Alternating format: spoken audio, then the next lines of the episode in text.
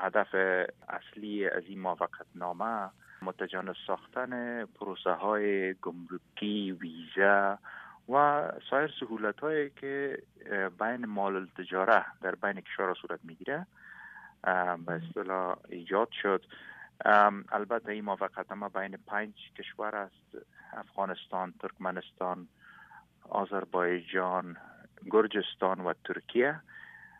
که در سال 2012 طرح ابتدایی شریخته و تا ای که در سال 2014 موافقت موافقه کشورها را گرفتیم و تقریبا سه سال طول کشید تا که ما مذاکره را به انجام رسانیدیم و تا ای که امروز خوشبختانه در اشقابات بین پنج وزیر خارجه امی کشورهای زی داخل در پروسه امضا شد. چقدر این موافقت نامه به سود افغانستان است و افغانستان از معاصر جغرافیایی که بیشتر وابسته به پاکستان می باشه خواهد روانید؟ کاملا شما دقیق می فرمایین موافقت نامه را جوارد هدف اصلیش است که چطور افغانستان از انحصار یک یا دو دهلیزی که همیشه دائمی ما به او وابسته هستیم نجات بده. که خوشبختانه ما به این موفقیت نایل آمدیم و این خود زمینی از این میسر می‌سازه که کشورهایی که بر ما مشکلات ایجاد می‌کنه در قسمت ترانسپورت و ترانزیت اینا را وادار بسازه تا ای که تن به تن و ای که افغانستان دیگر در انحصار ترانزیتیشان قرار نداره چقدر این طرح برای رشد اقتصادی افغانستان موثر است و افغانستان چه نقشه دارد این میان؟ راه لاجورد یکی از کوتاهترین راههایی است که افغانستان وصل می‌کنه به اروپا. ما مقایسه کردیم که چقدر روز و چقدر مال مال البته کالای تجارتی و چقدر وقت در بر می‌گیره تا ما به بازارهای اروپا دسترسی پیدا کنیم. راه لاجورد ایره می‌تونه در ظرف شش الا اف روز از بندر تورغوندی به اروپا برسانه که قیمت هر کانتینر هم میشه در حدود 1300 تا 1500 دلار که از طریق دیگر راه ها به مراتب بیشتر است و به مراتب میاد زمانیش بالاتر است.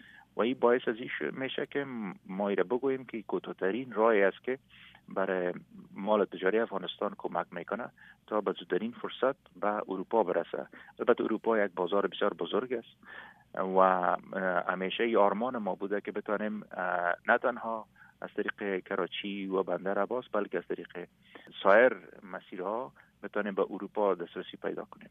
قبلا نطور بود که مثلا اگر ویزی ترکمنستان می‌گرفت باید آماده از این بود که ویزی آذربایجان هم می‌گرفت. باز در آذربایجان باید ویزی گرجستان هم می‌گرفت و همطور ویزی ترکیه اما وقتی که از مسیر لاجورد تحت از این چارچوب تحت از این موافقت نامه مال خود به اروپا انتقال بده ویزی هر پنج مملکت بدون کدام تعلل داشته باشه و مالش از نگاه گمرکی مسئولیت داشته باشه و بدون کدام مشکل و بدون از اینکه کدام موانع در قسمت موضوعات گمرکی ایجاد شود ای بتانه مال خود با آسانی انتقال بده. هدف بله. اصلی رایلا جوردمی است. کدام خطوط زیربنایی از از افغانستان می‌گذاره و چقدر سبب ایجاد مشاغل در افغانستان میشه؟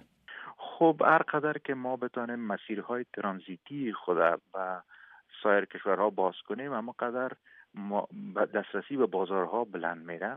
هر قدر دسترسی به بازار بلند بره برای دهقانای ما برای متشبسین افغانستان و برای کسایی که در بزنس های مختلف در افغانستان مشغول هستند زمینی از این میسر میشه که البته تشویق میشه و زمینی از این میسر میشه که اینا بتانن بیشتر اموال خود صادر کنن و یا اموال وارد کنن از این مسیرها. ای یک تاثیر مثبتش است دیگه ای که خود از این موضوع باعث از این میشه که تولیدات تولیدات بلند بره مثلا اگر چند وقت پیش ما شما شاید از این بودیم که از طریق چابهار اموال از هندوستان وارد کنیم که خوشبختانه ما مسئول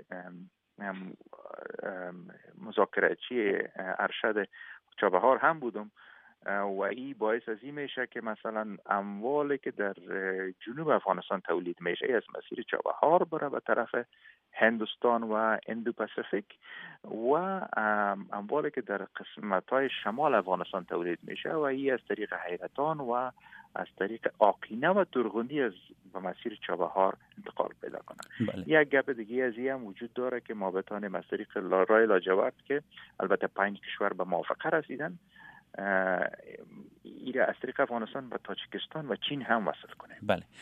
و این یک دست باز و ما میته که مذاکرات خود همراه پاکستان ایران آسان تر بسازید شما فعلا سفیر افغانستان در استرالیا هستین. چی نقش در پروژه راه لاجورد داشتن شاید شنوندای ما بگوین که چطور سفیر افغانستان در استرالیا پیرامونی از این پروژه صحبت می‌کنه.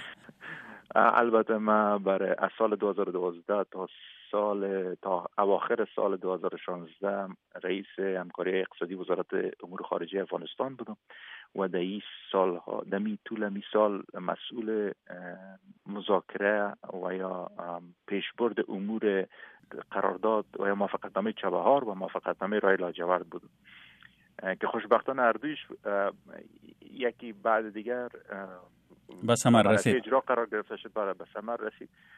رای لاجورد و چابهار البته دو موافقت نامه چند جانبه است که در تاریخ افغانستان سابقه نداشته. تشکر از وقت شما آقای ویسی. برای شما همین موفقیت تبریک میگیم.